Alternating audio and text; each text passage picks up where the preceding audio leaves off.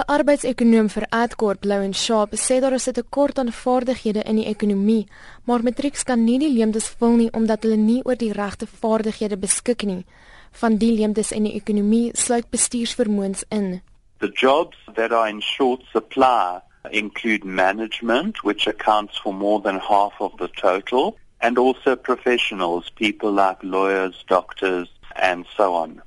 'n Beleidskonsultant van die Suid-Afrikaanse Kamer van Koophandel en Nywerheid, Pietman Roos, sê daar is baie ander probleme in Suid-Afrika waar die beskikbaarheid van werksgeleenthede kniehalter. Suid-Afrika sit met 'n groter probleem van werkloosheid en 'n baie rigiede arbeidswetgewing.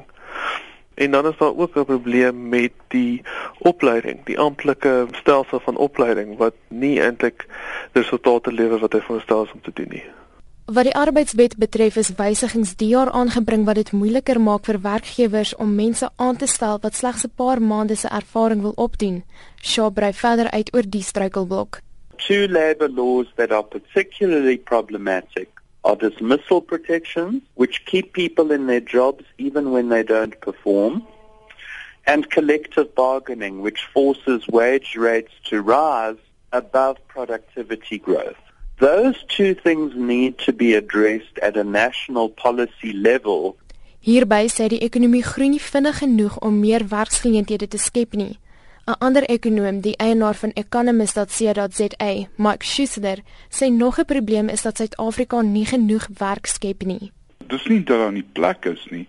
Dit vat jong mense net 'n lang tyd om wel werk te kry.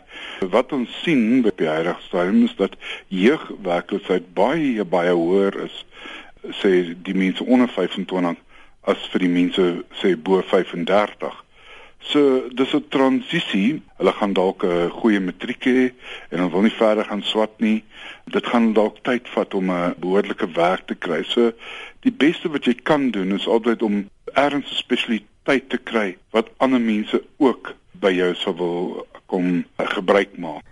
In 'n poging om die werkloosheid onder jong mense teen te werk, is die jeugdiensubsidiewet ingestel. Roos verduidelik wat die wet behels. Die jeugdiensubsidie gee belastingkrediet aan werknemers wat mense in diens neem tussen die ouderdom van 19 en 29. Dit is beperk tot 'n uh, maandelikse salaris van R6000 en die belastingkrediet is tussen so R1000 en R2000.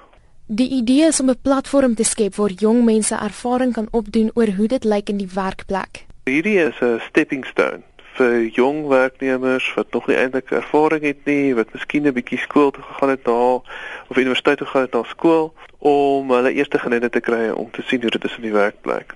Roos sê die ondernemings wat in ekonomies ontwikkelende zones bedrywig is en spesifieke sektore wat deur die minister van finansies uitgewys word, kan aansoek doen vir die subsidie.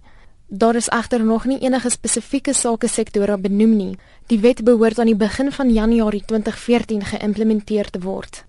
Sharp sê egter die inisiatief is 'n mors van tyd. Firstly, less than 5 billion rand has been budgeted and less than 3 quarters of that will actually be spent on the initiative. The rest will be consumed by administration costs. It's tiny in relation to the total budget. The Treasury who designs this incentive expects only 127,000 jobs to be created. Now, as I say, we've got over 8.5 million people who are underemployed or unemployed. So really 127,000 jobs through the employment tax incentive is a total waste of time. Maar die vraag bly, hoe gaan Suid-Afrika hierdie probleem oplos? korttermyn is om hierdie subsidies so wyd as moontlik beskikbaar te stel veral in sektore wat arbeidsintensief is soos die dienste sektor so sekuriteit kleinhandel tot magdom en dan die mediumtermyn sal wees om die arbeidswette te begin verander sodat dit makliker is en meer besigheidsvriendelik is En die langtermynoplossing is om ernstiger te kyk na ons onderwysstelsel en om dit te verbeter. Schuessler sê 'n verhoging in welvaart kan ook die probleem van werkloosheid aanspreek. Aan die ander kant sê Sharp die wat kan behoort al beste doen om tersiêre opleiding te kry. Vir die wat dit agter nie wil of kan doen nie, het hy die volgende raad. Find a practical company. Offer yourself as a volunteer. Learn that skill over a year and then set up a small enterprise of your own. Dit was die arbeidsekonoom Lowen Sharp. Ten spyte van die donker prentjie sover dit werksgeleenthede vir matrikulante betref, lyk dit of daar hoop is vir diegene wat wel geleenthede soek en benut. Kenners sê matrikulante moet hulle unieke vaardighede so ontwikkel dat werkgewers dit wil koop. 'n Alternatief is om jou dienste aan te bied sonder vergoeding en so te wys waartoe jy in staat is.